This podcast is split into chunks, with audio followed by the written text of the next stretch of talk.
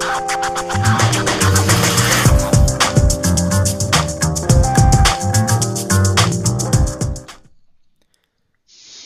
guys, welcome to another episode of the Iraqi Nutrition Podcast. I'm your host, as always, Juma Iraqi. And before we start today's episode, I just want to mention that this podcast is available on YouTube, but if you prefer to listen to it uh, in audio format, you can also find it on iTunes. So today's guest is someone that a lot of people has been asking me to bring on the show. Uh, he has a lot of knowledge when it comes to gaining muscle, fat burning, and also performance enhancing drugs. So, um, welcome, Broderick Chavez, to the show.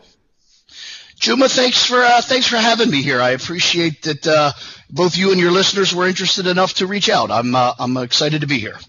Thank you so much, and thank you so much for taking the time to do this. We're going to talk about a um, really interesting topic today, which I think a lot of people are uh, interested in. So today's topic is nutrition to optimize muscle hypertrophy. And um, we're going to talk about uh, different aspects of it, but let's start with you giving us background about yourself and a and an introduction so people can get to know you better. Ah, uh, that's always the most difficult part for me. I find it very awkward to talk about myself. Um, again, name's B. Chavez. I am 46 years old. I have been involved in this industry, uh, prepare for shock. I'm not exaggerating, 36 years. Uh, I literally started in a commercial gym when I was 10 years old.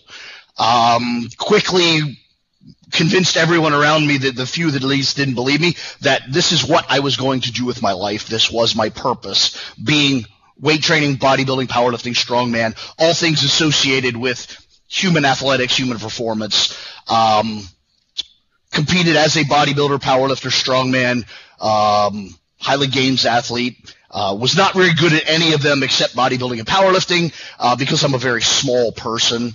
I'm literally like 165 centimeters, uh, just not a big person, little hands, very unathletic. But was very good as a bodybuilder, kind of a child prodigy. Uh, that gave me the opportunity to be immersed in some very uh, high end situations and surrounded by some very high end people. I got to spend time with uh, the late great Dr. Fred Hatfield, um, the great bodybuilder Thomas Stephen Platz. A uh, number of others, those jump out to mind. Those made a specific impression on me, and I uh, pursued education. I got a BS in biology, a minor in chemistry.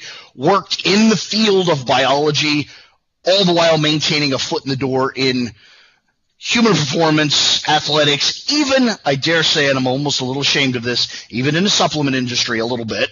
Um, uh, that grin makes me to think you know what I'm talking about. Yeah, yeah. Um, and along the way, I really never set out with the intention of coaching athletes, but it turned out, and I did not realize this maybe until even later in my life than I should have, that I apparently have a bit of a gift for relaying information explaining and maybe simplifying, maybe to the point of oversimplifying. For that, I apologize. And so the role of coach has just kind of evolved, and now here I am. It's what I do essentially full time as my profession. I uh, have a number of high end clients. Um, I actually enjoy working with my more mundane average clients more. Uh, don't tell my Mike Israetel I said that. Uh, but um, that's basically who I am and how I got here. I mean, I left an awful lot out, but that's a, a thumbnail outline of how I got here. Excellent. Now, what what uh, type of athletes do you work mostly with? Is it more powerlifters or is it more bodybuilders? Um, actually, it's neither. I enjoy working with powerlifters and bodybuilders, but actually that might be an exaggeration. Bodybuilders, I don't know if I enjoy working with, but I love bodybuilding, but generally they're schmucks and a pain in the ass. um, my actual real coaching beginnings uh, started in school, uh, college. Um, University of Arizona, which is a very track and field centric school. So I had a lot of uh, involvement with track and field athletes. So that's really where I started, and I've kind of, because of both contacts in that field and of course the, the volume of experience, I've kept a core level of track and field type athletes. Work with a lot of people that you know, throwers, runners, um, even non-track and field athletes that say have aspects of that in their sport. For instance, certain positions in American football require a lot of, you know, 100 meter esque type running, you know, very short distance, high burst, high acceleration running. So I'm able to coach them in a track and field, as, you know, fashion uh, personally, I don't have any skills in teaching the football part, but I can teach you the things you need to do and the chemistry and kinetics of go real fast, and then they apply that to football. So I definitely do work with a, a, broad range of athletes, but my core is kind of track and field throwing. Um, I have worked with swimmers. Uh, even as as bizarre as mountain climbers, I mean, anyone who needs human performance and recognizes my abilities to you know insert that. Uh, but l- largely, like I said, track and field, throwing, uh, and then probably strength athletes, powerlifting, body, uh, weightlifting, strongman, and then lastly bodybuilding. So. Excellent. All right, so um, let's start off with um, with the first question. Um, when you're trying to gain mass, uh, sometimes you'll hear people say that you should start with a foundation where your body fat levels aren't too high. So, is that true or is it not? Well, again, I, I, I warned you early on that I'm going to answer a lot of these questions sideways, and this is the perfect example of that. The the answer is always the leaner you are, the better for every reason. However, the first thing you need to address is what is your purpose? What are you as an athlete? For instance, if you're a tennis player and you ever get above 12% body fat, you're a shit tennis player. That's just not appropriate. However, if for instance you play American football and you play a power position or a defense position, you might be completely comfortable at 35% body fat because it's a body weight oriented position. So your job description largely determines the parameters on what it is you should be. And then it's your job or my job perhaps to then use those parameters to the best of our ability. But to kind of answer the question specifically you asked, when you're entering a body weight gaining, mass gaining phase of your training, it is ideal to begin at the lower end of your appropriate range and escalate to the higher end of your appropriate range. But that range wildly depends on your job description mm-hmm. and even possibly your individual genetics. You know, if you're Kenyan by, by, by design, you probably just lean toward leanness, whereas, you know, if you're Inuit, you probably don't lean toward leanness. So again, that would also factor in there. Um, I don't know if that exactly answered what you wanted, but I, I, that is how I would view it. Okay, excellent. Now, if if we were to like specifically look at bodybuilding, and mm-hmm. if we were to give up uh, out some numbers, what would be an optimal range? Do we have anything we can recommend there for both males and females? Um, yes, and I'll even add a caveat there, but y- yes. Uh, largely, I would say the nature of bodybuilding, the loads involved, the volume of work, etc. Um, probably something in the 10% range is your lower limit. Lower, the leaner than 10% maybe isn't problematic, but it's certainly unnecessary. So I would say your lower end is 10%. Your upper range, there's a strong debate on exactly where it is. Um, personally, I think particularly larger bodybuilders. And the reason larger is the more muscle you have, the easier it is to then later metabolize body fat because it is muscle that does the metabolization of the fat. So the larger the individual, interestingly, probably the fatter you can allow them to get. So I would say for most middle of the bell curve bodybuilders, you're probably putting a cap on it at 15, 16%. For very big muscular bodybuilders, you could probably go as high as 20 and still mathematically arrive at the same stage leanness simply because the mass overwhelms the fatness. The lean mass overwhelms the fatness. Uh, but I would say that's probably your range, somewhere in a 10% escalation toward 15-ish 20 if you're very big or very comfortable losing fat. Again, that too, there's a skill ish component there. Some people are just better at dieting than others. If you're a terrible dieter, we need to take that into account, keep you leaner so you have less work to do later. Mm-hmm. Excellent. Now, is uh, is there a range also for like females? Because I know this is a question people will ask.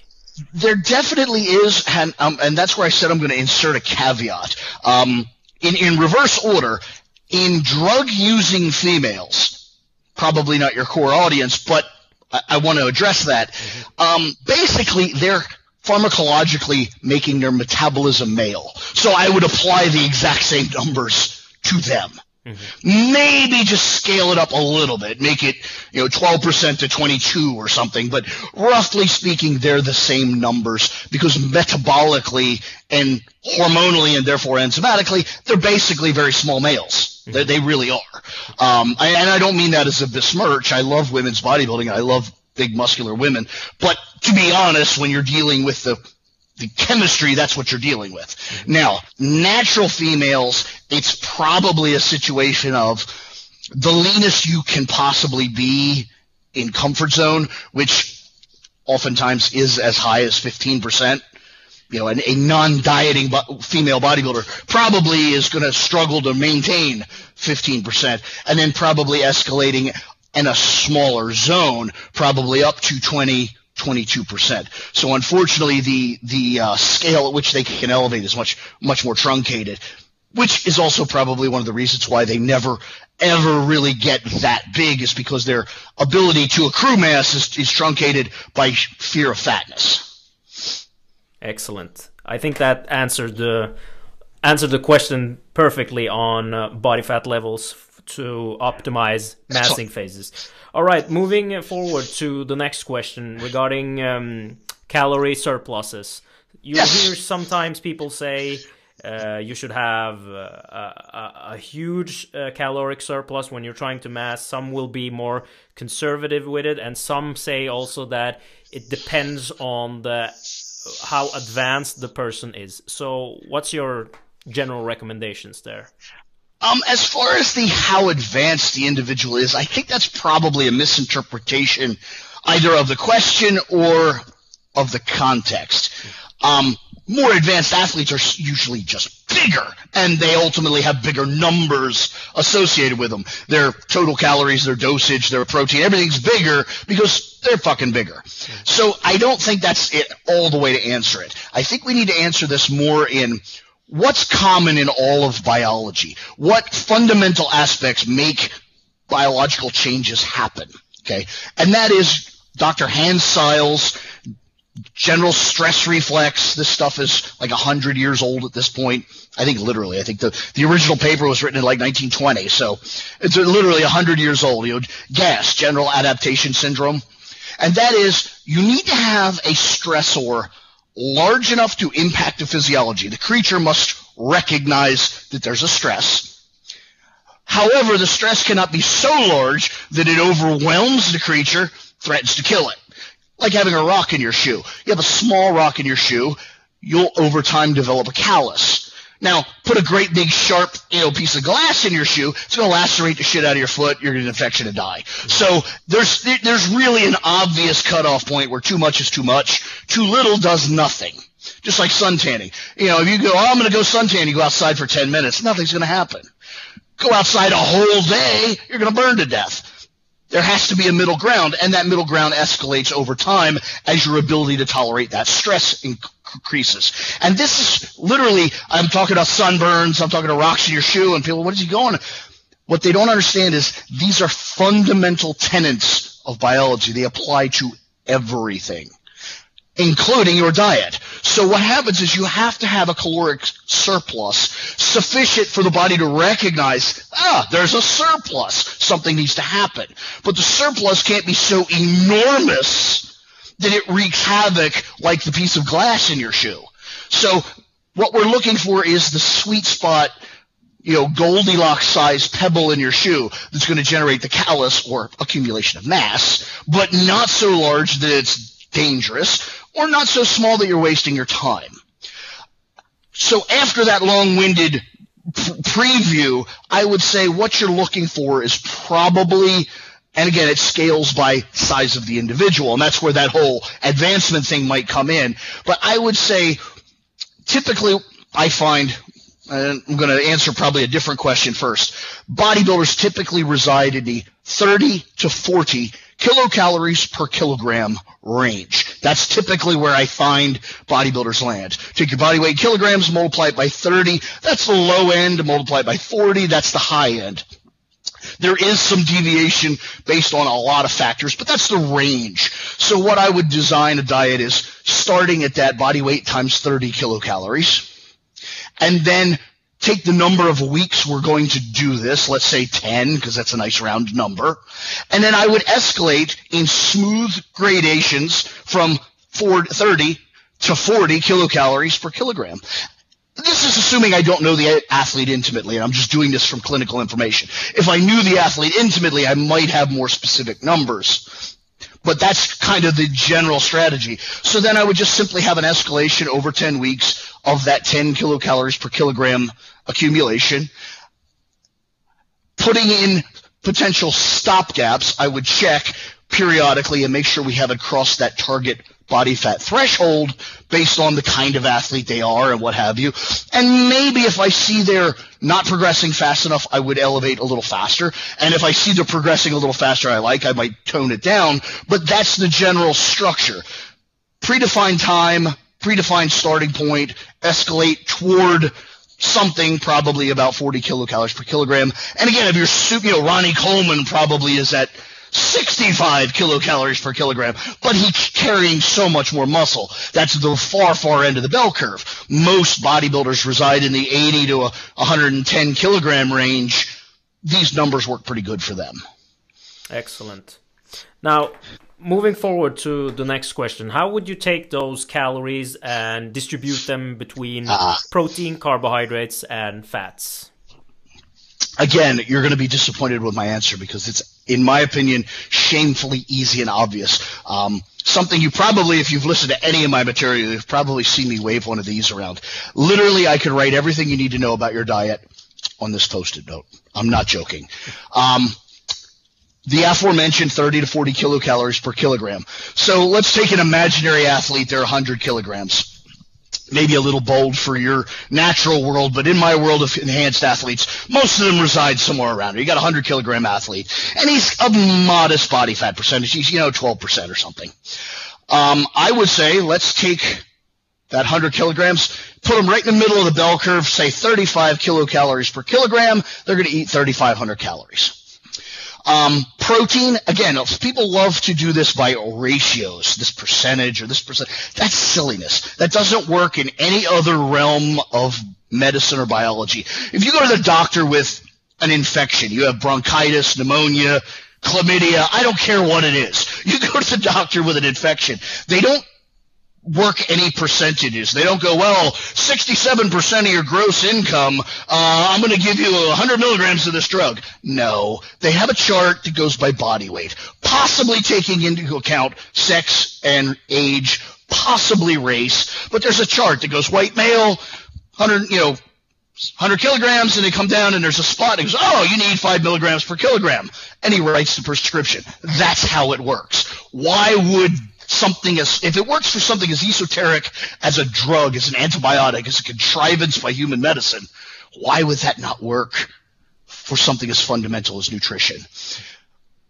Protein requirements, nitrogen requirements are a function of body weight. Albeit mildly skewed by activity, national RDAs are down in the one gram per kilogram range because they're predicated on everybody's grandmother, average people.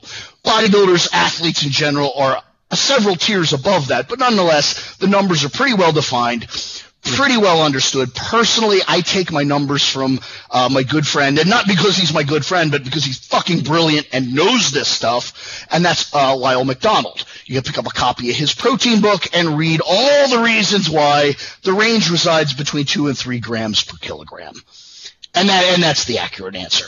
Um, naturals probably toward the higher side, drug users toward the lower side. There's reasons for that we could discuss later, but nonetheless. So I would take two grams per kilogram. This guy weighs 100 kilograms. That's 200 grams of protein. Multiply that by four, subtract it from your 3,500. You, you're left with a number. Same thing with the fat. Fat is a little bit more ethereal, a little less highly defined probably even a little bit uh, more racially dependent.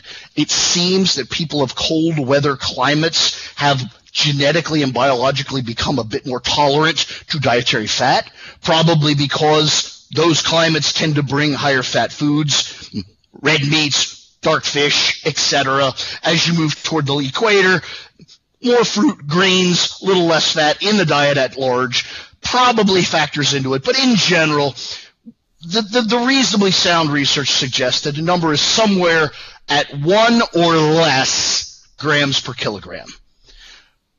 I find one gram per kilogram more than sufficient to get everything done and not particularly problematic. And then as the athlete diets, I would actually steal away from that number slightly to free up calories for other things. But one gram per kilogram in this case, 100 kilogram athlete, that's 100 grams of fat. That's not a large amount, but it's not an amount you have to wildly avoid foods. You can eat foods and still make that mark. Um, and, that, and that's basically it. Protein is predefined by body weight. Fat intake is predefined by body weight. Carbohydrates are simply the difference, and we're guesstimating that difference to be a total of 3,500 kilocalories. So you just do the math, subtract, you get a number, that's your calories. That's your carbohydrates in calories divided by four. That's your carbohydrates in grams. That's your starting point. Now, based on your activity, possibly changes in your activity, possibly mis uh, estimations, that might have to be trimmed up or down. But you don't want to move the other two numbers because they're functions of lean mass, and you don't want less lean mass, so those numbers are never going to go down. Mm-hmm. That's it. Excellent. It's literally that's it. Yep. I just want to go back uh, a bit because you touched mm-hmm. upon uh, a thing before uh, we move forward regarding protein requirements if you're natural versus enhanced because a lot of people a lot of people think that if you're enhanced you actually need more protein but what is actually the case there well again, you have to be very, very careful about your language. Yes, you probably do need more protein because drugs work and you're going to be bigger. Ronnie Coleman's bigger than me. I'm bigger than you. So yes, that, that part is accurate. But in terms of our nitrogen needs per kilogram of mass, it's actually lower than somebody not enhanced. The very nature of anabolic drugs, particularly steroids, but actually all anabolic drugs, and there's a lot that are not steroids, they improve nitrogen efficiency. Folks, that's exactly what it sounds like. You can do more with less. You're more efficient. So, you know, to get the same net protein retention, a natural might need three grams per kilogram, whereas because of my heightened efficiency, I could do the same thing at two grams per kilogram. And then people always do the, whoa, why not just eat three and be, you know, super duper extra amazing if, and, and, no, doesn't work that way. Any complex system, you add too much of something, it's exactly that. It's just too much. Gets in the way. That's like saying if I had a factory and I just ordered a whole bunch more raw materials, my factory would magically make more end product. That's stupid. Anybody who thinks that needs to be beaten. That's just dumb. There's a whole lot of complexity that goes into making whatever the hell it is you manufacture. You know, you make widgets. There's got there's a you know some sort of order to making widgets. It's not just a buying a whole bunch of more you know whatever. Same thing here. Having more protein does in no way demand that there'll be more protein retention. That's a complex cascade of exercise, metabolism, you know, hormonal environment, lifestyle, on and on and on. And yes, people like me get paid a lot of money for working out the little tiny nuances of it. But in the big picture, it's as simple as that. The more anabolics you use, the lower grams per kilogram you need, the less anabolic you are, i.e. natural, the higher you need. And interestingly, Lyle McDonald takes time to point out that even within the natural realm, the genetically gifted for whatever reason, particularly good musculature, particularly high hormone levels, whatever, also still get away with less than the really shittily gifted. The really crap genetic bodybuilders maybe even go above three grams per kilogram simply because their body is so inefficient that it actually takes that much to get the job done. So even in the case of drugs being unnatural, it still abides by the natural laws, just at an unnatural level. Excellent. I think uh, it's it's good that we touched upon that because I know that that's a, that's a question that a lot of people want answers to. Um, regarding fats, I know that you prefer uh, a lower fat diet when trying to to mass. Um, before we talk about the reasoning behind it, uh, you mentioned one gram per kilogram of body weight for fat. Is there a lower end recommendation there as well? Absolutely great question, and one people don't ask nearly enough. Um, however, before I say that, let me say this. I tend to favor a low fat diet across the board. It's not just for mass. I certainly tend to, you know, favor that for, you know, losing body fat. I think general pop in general should have less fat in their diet. I think at large, again, biologist, if you look at the role fat plays in nature, and then you look at where we are in culture, fat is relatively speaking the unnecessary item. Once upon a time, fat was there to give you energy reserves to survive winter, famine, these sorts of things. We don't have that shit anymore. we all live inside. We have air conditioning. We have a big box that lights up when you open the door full of food. Fat is not the relevant thing. Now, people will immediately launch into the, oh, well, you know, saturated fat's required for your hormonal manufacture and your, uh, uh, uh, yes. You're not wrong. You're absolutely right. Where you're wrong is the volume. That's a fucking thimbleful. It's nothing. L- literally, one pat of butter, you're covered. You got all the fucking cholesterol you need for, well, butter's not a good example, but you know, whatever. But butter's actually pretty low cholesterol, but no, my point is, is you don't need much. It's silly. Um, now, you did say about a lower limit. There definitely is a lower limit. Um, and some of my athletes that I coach and I were just discussing this subject. And we've got a few of them, I have a few of them, slowly eking their dietary fat down, trying to really find where their lower limit is. And what we found is pretty much what the research suggests we would find is somewhere just south of 0.5 grams per kilogram it begins to show itself. Not in any life-threatening fashion, but it, you see a reduction in libido. Not a, not a, not a cessation, but a reduction. You see perhaps an elevated escalation in joint pains. You see some of these lipid inflammatory responses increasing mildly. Um, not to say you wouldn't go into that zone maybe dieting for a bodybuilding show anyway, but that is a very unnatural condition that you're, you're contriving for a, a competitive purpose.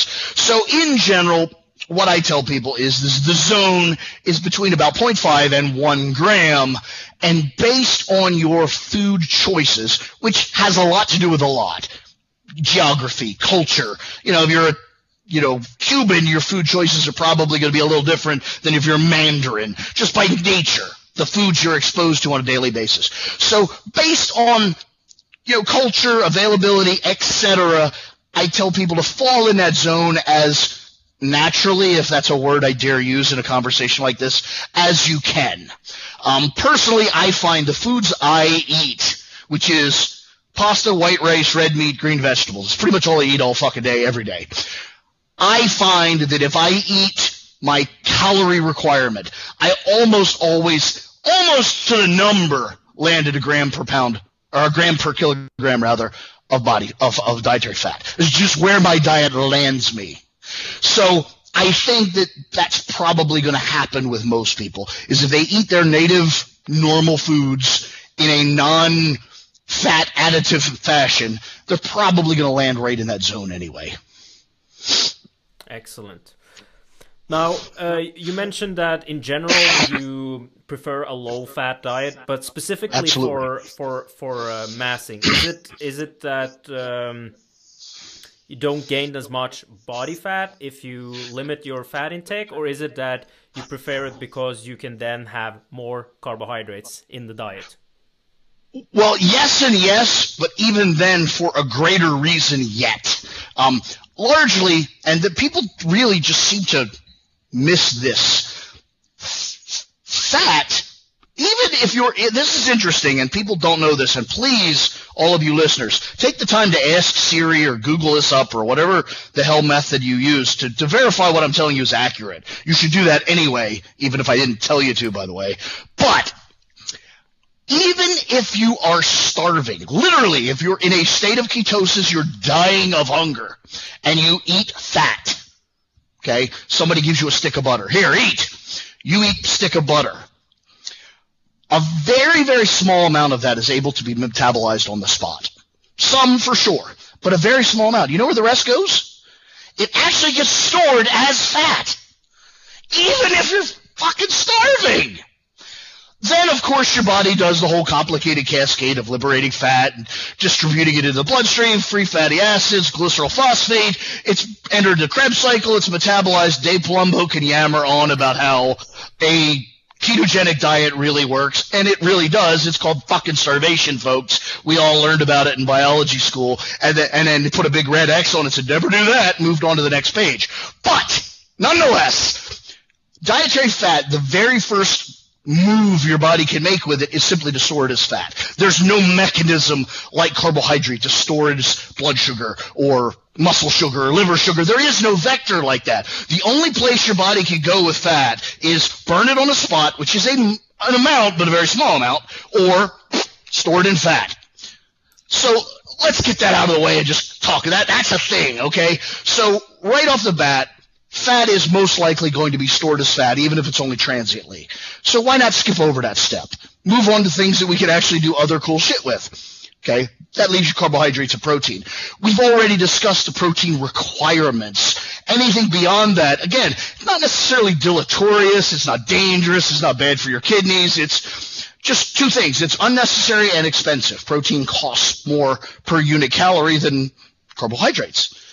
That's relevant. It's also less shelf stable. Meat has a shelf life. You know, pasta does not. Rice does not. Secondly, thirdly, I think we're at third. We'll go a third. There's another factor here that people just don't want to acknowledge. You have three macronutrients.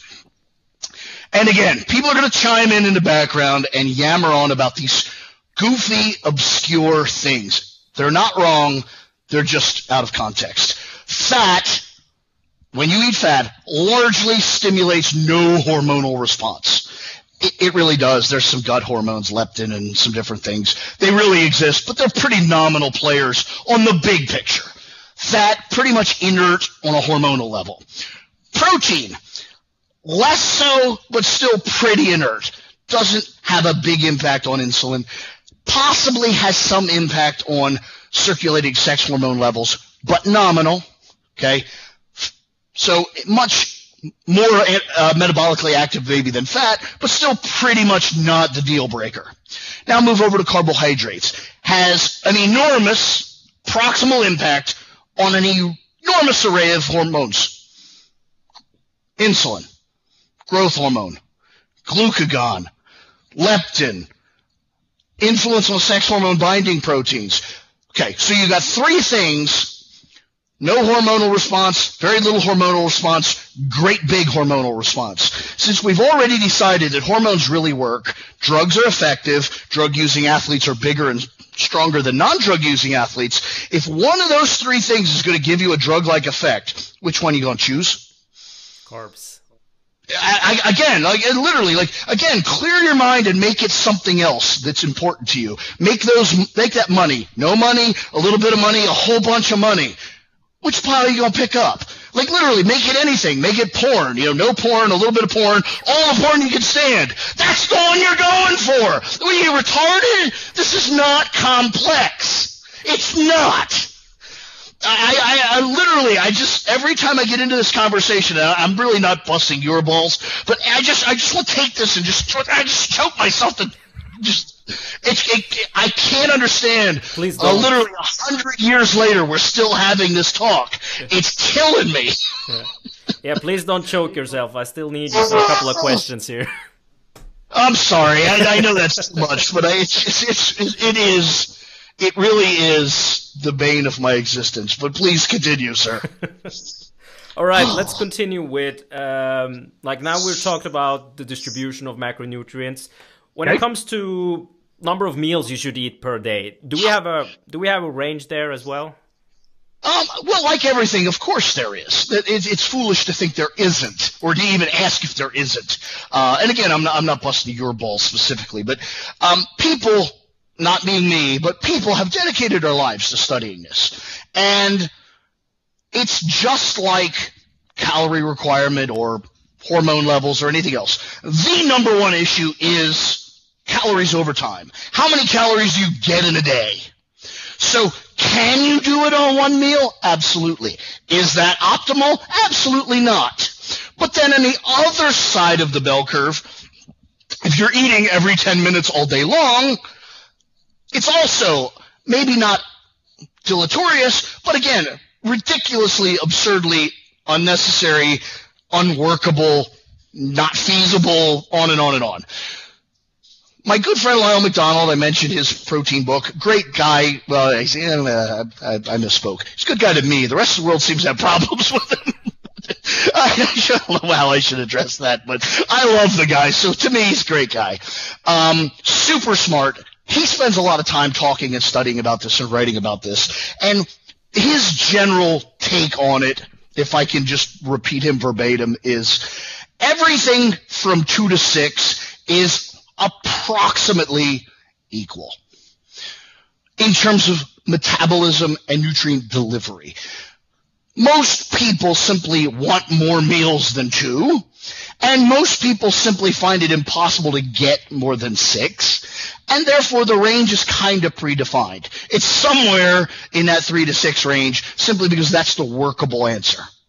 Three is a, pretty much the time honored answer. Six is, well, you really eat a lot but you're big, maybe you just eat a lot.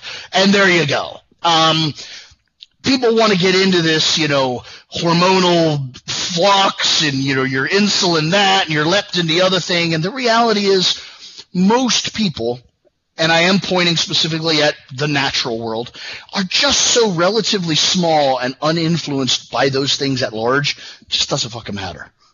Again, if you're dying on your deathbed of hunger, it matters. If you're the size of Ronnie Coleman, it matters. But everybody in the middle, it's just not the deal breaker. That's a half a percent in the big picture. You'd be much better off spending your time worrying about your workout or your coaching or your something that's actually going to influence the bigger picture. The the difference between three and five meals a day, it, it's it's much more relevant to spend your energy somewhere else. Excellent answer. Now moving uh, moving on to like there's been a there's been some interesting discussions the last couple of years regarding the importance of nutrient timing.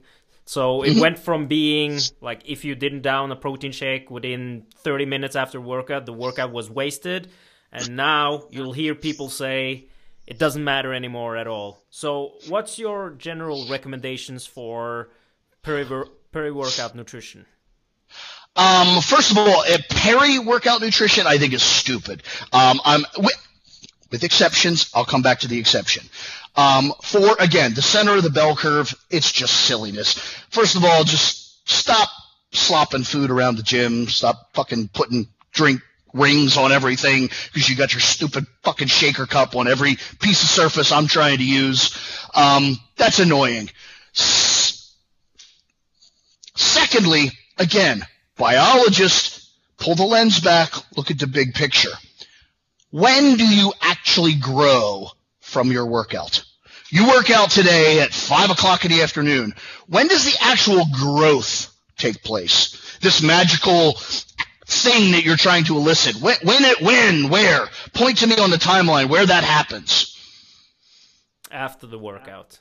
Not just after the workout, but very much after the workout. For instance, the next 48 hours after the workout. So really, do you believe that that instant is the deal breaker? That's the crux. That if you don't have you know, fast acting, keyword, fast acting amino acids, exactly 30 minutes into the beginning of your workout, two days from now, a shot in the ass, that's just stupid. You don't even have to know biology to recognize that there's something wonky with that timeline. That doesn't work. Especially since you're going to eat, you know, I don't know, pre our earlier discussion, like five times before that 48 hour window closes. That's just stupid. Now, there's two things here that are not stupid, but are wildly out of context. Again, if you were, for instance, my client, you were genetically gifted, chemically enhanced, and we were doing very clever things with very rapid acting hormones, like say insulin or growth hormone. Now it might actually be relevant because you have a very short acting proximal hormonal influence that we need to deal with. So if I give you 10 IUs of insulin, yeah, you're going to need some nutrition right then or you'll be laying over there in 20 minutes. That's relevant and real. It's also very contrived and has nothing to do with the general population. Unfortunately, because Ronnie Coleman does it, or, you know, I don't mean to throw him under the bus, but it's kind of obvious, or, or whoever, then Joe Average latches onto it. Ah, maybe that's why I'm not big. No, you're not big because you're genetically average and you're not taking five grams of gear, among many other factors. It's not that. Also, a lot of this workout repletion science, you know, carbs immediately after the workout, these big carb spikes, and that studies, they're not wrong, but what they are is wildly out of context. Most of those studies were done in the 70s when the major modality of exercise, as well as the major uh, monetary influence in exercise, was endurance sports, marathon running, cycling, swimming, Olympic caliber sports, that that's where the money was. And so the, a lot of those sports are predicated on training volume. How many miles can you run a day? Can you run twice a day? Can you run three times a day? Can you run three days in a row, etc.? So immediate rapid repletion of energy stores was very, very relevant to your overall training scheme. Those studies have then been taken out of context and inf- tried to influence weight training when you don't squat every day. You don't squat three times a day. It, it, it's just not relevant.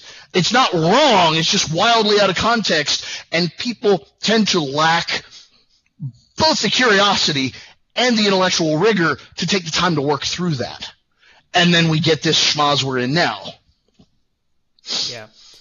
Yeah, I think I think uh, more people should realize how big of a difference there is between how much glycogen you use when you're doing endurance sports compared to when you're doing strength. I think I think there's a study by Tesch from the from the 80s where they actually did they did five exercises, four sets, and all of the sets were to failure, and they only depleted the glycogen stores by 20 to 40 percent or something like that.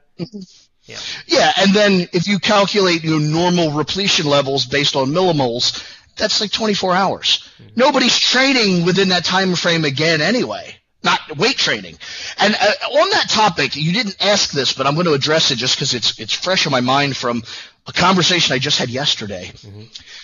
People talking about how little glycogen and just general calories in general you burn.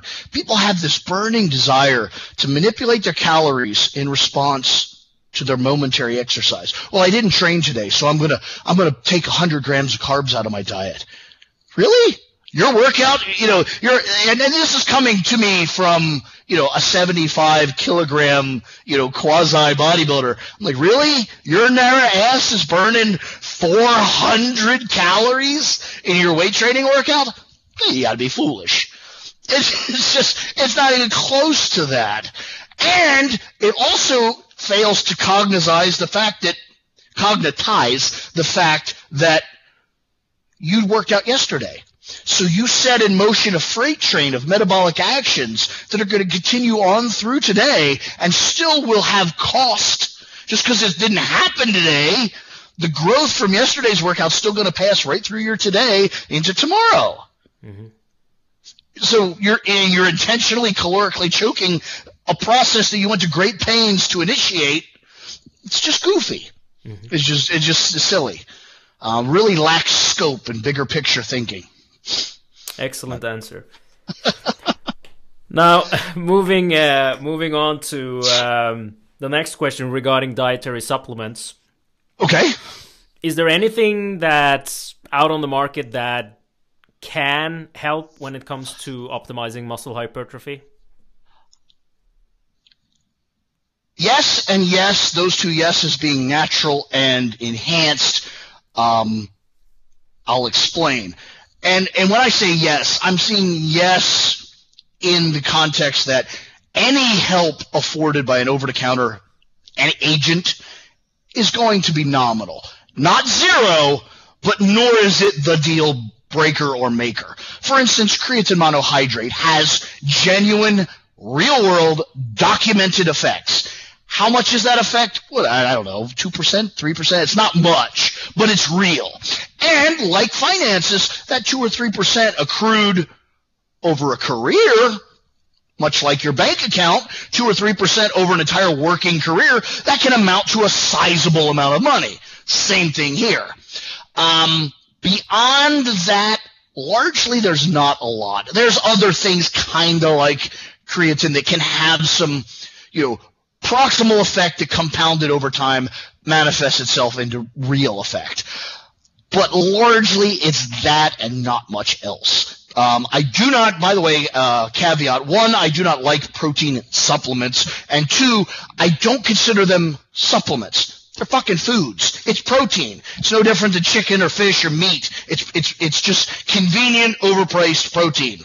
It's not a supplement, uh, despite the nomenclature. Uh, the nomenclature, by the way, in this country, I have no idea about your land, but in this country, the nomenclature is very specific because by labeling it a supplement, they don't have to abide by federal food laws and they don't have to have the level of oversight and quality control that they would if they were selling you, you know, meat or fish or some actual food. So they skirt that by being a supplement, even though it contains calories and therefore, by definition, it's a food. It's a little off track, but it's a point that is relevant. Um, not completely saying that you know no one should use a protein supplement. There's again, it's convenient, they're delicious. There's a lot of reasons why you might want one, but there's no magic. It's just food. Oh, that's what I'm getting at. Um, and I, uh, the only one that's jumping to mind is creatine monohydrate, but there's other compounds like that that have some proximal effect compounded over a long period of time that could have real effect. But in general, most athletic people, their diet is of a, such excess over the baseline population that they're not short on you know, vitamin C, vitamin B, you know, thiamine, whatever, because the sheer volume of food they're getting accomplishes that typically in spades. I wouldn't be surprised you find most, uh, you know, high calorie athletic diets can even be in surplus of some of these things. Uh, probably not to a dangerous level, but nonetheless in a genuine surplus where they're being excreted and, and just wasted. Uh, the exception to that is in drug using athletes, certain metabolic pathways are operating so far above the scale of nature that now supplemental additions can actually be the rate limiting factor. For instance, um, you didn't ask this, but I'll give you an, uh, for instance to solidify the thought. Everybody kind of knows the nursery rhyme, sing song. You know, there's hormones in your blood, and they circulate around, and they bind to the target tissue, and that's usually where the story ends. And then well, that whole bind to the target tissue leaves out about 4 million really complicated biochemical steps. And an awful lot of those complicated biochemical steps are mediated by the element zinc. There's a lot of enzymes mediated by zinc. Were you zinc deficient, you would have roughly inefficient hormone binding. Okay. Normal people typically aren't particularly zinc deficient. But now let's raise your circulating hormone levels by a thousand percent. You suddenly might be under that context zinc deficient. Bringing in supplemental dietary zinc could fill the gap, improve efficiency. So supplemental zinc for a drug using athlete makes very good sense. Same thing applies to chromium. Chromium plays a similar role in the binding of insulin to the target tissue.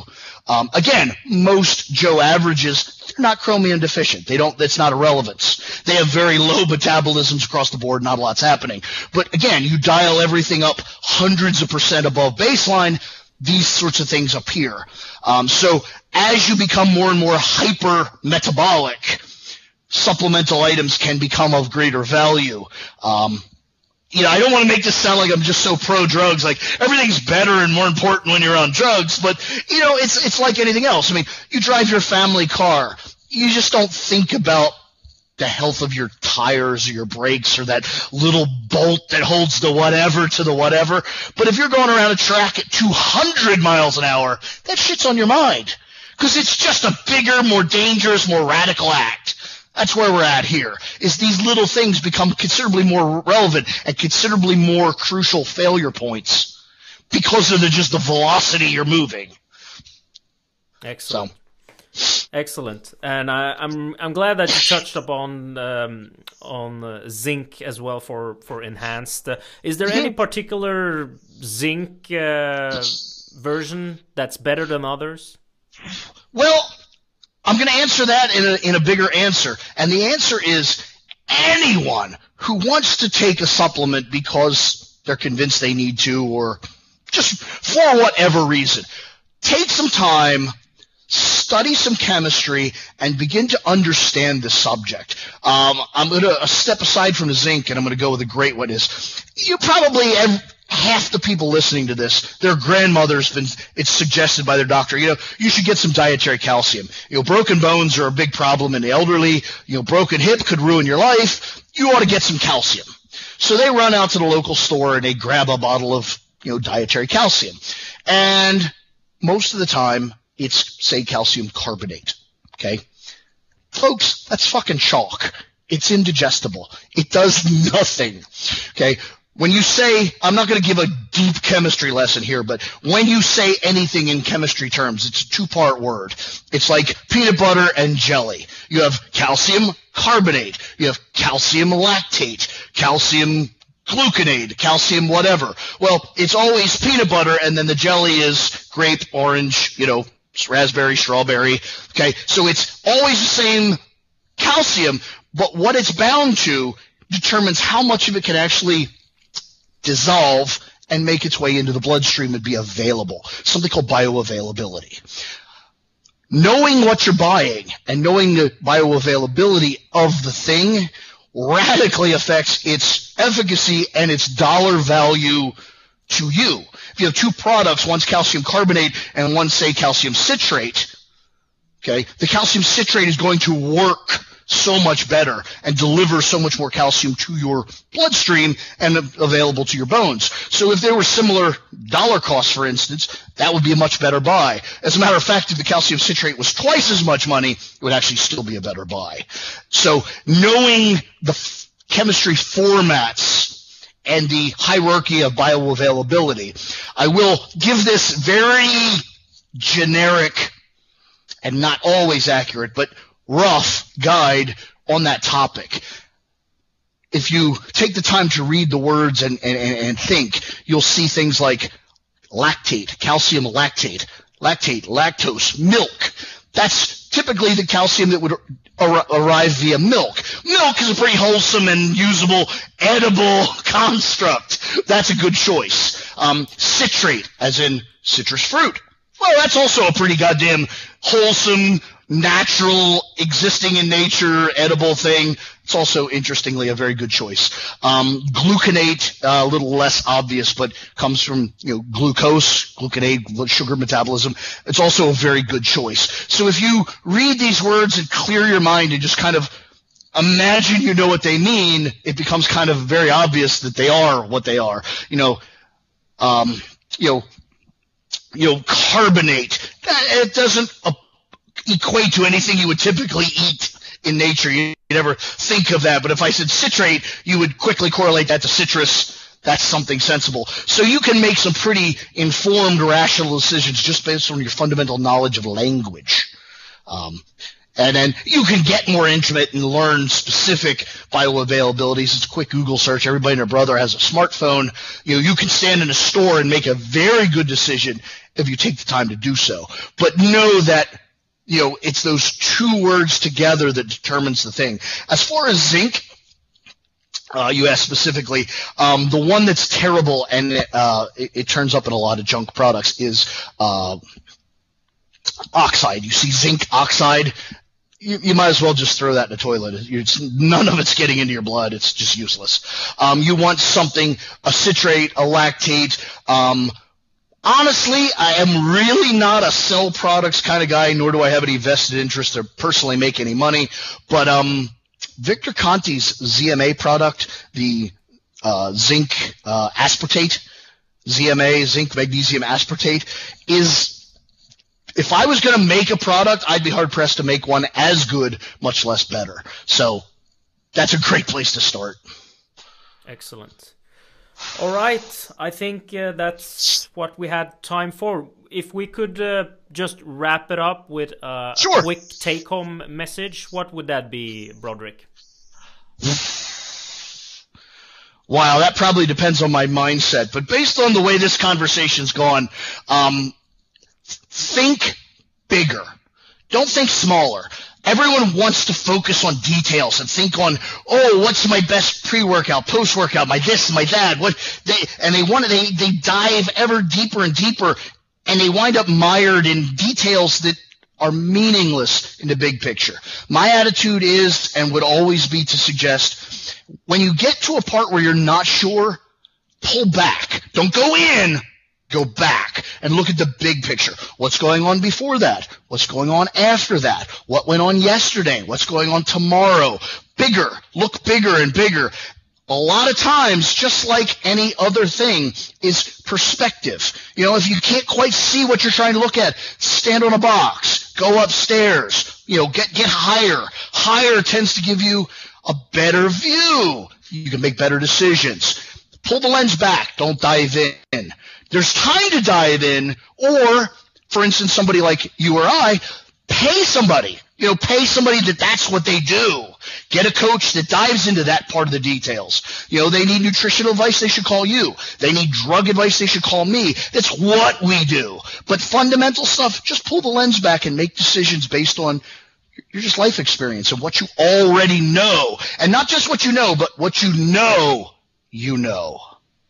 There's a big difference. That that's that would be my take home for almost everyone in probably almost every realm, not even just sports, like everything.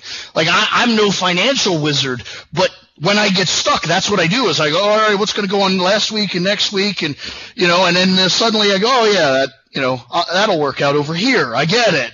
You know, I, I think that's how you do that. I think that's uh, I think that's a great message that you delivered there, uh, Broderick. So Tell us where people can find more information about you.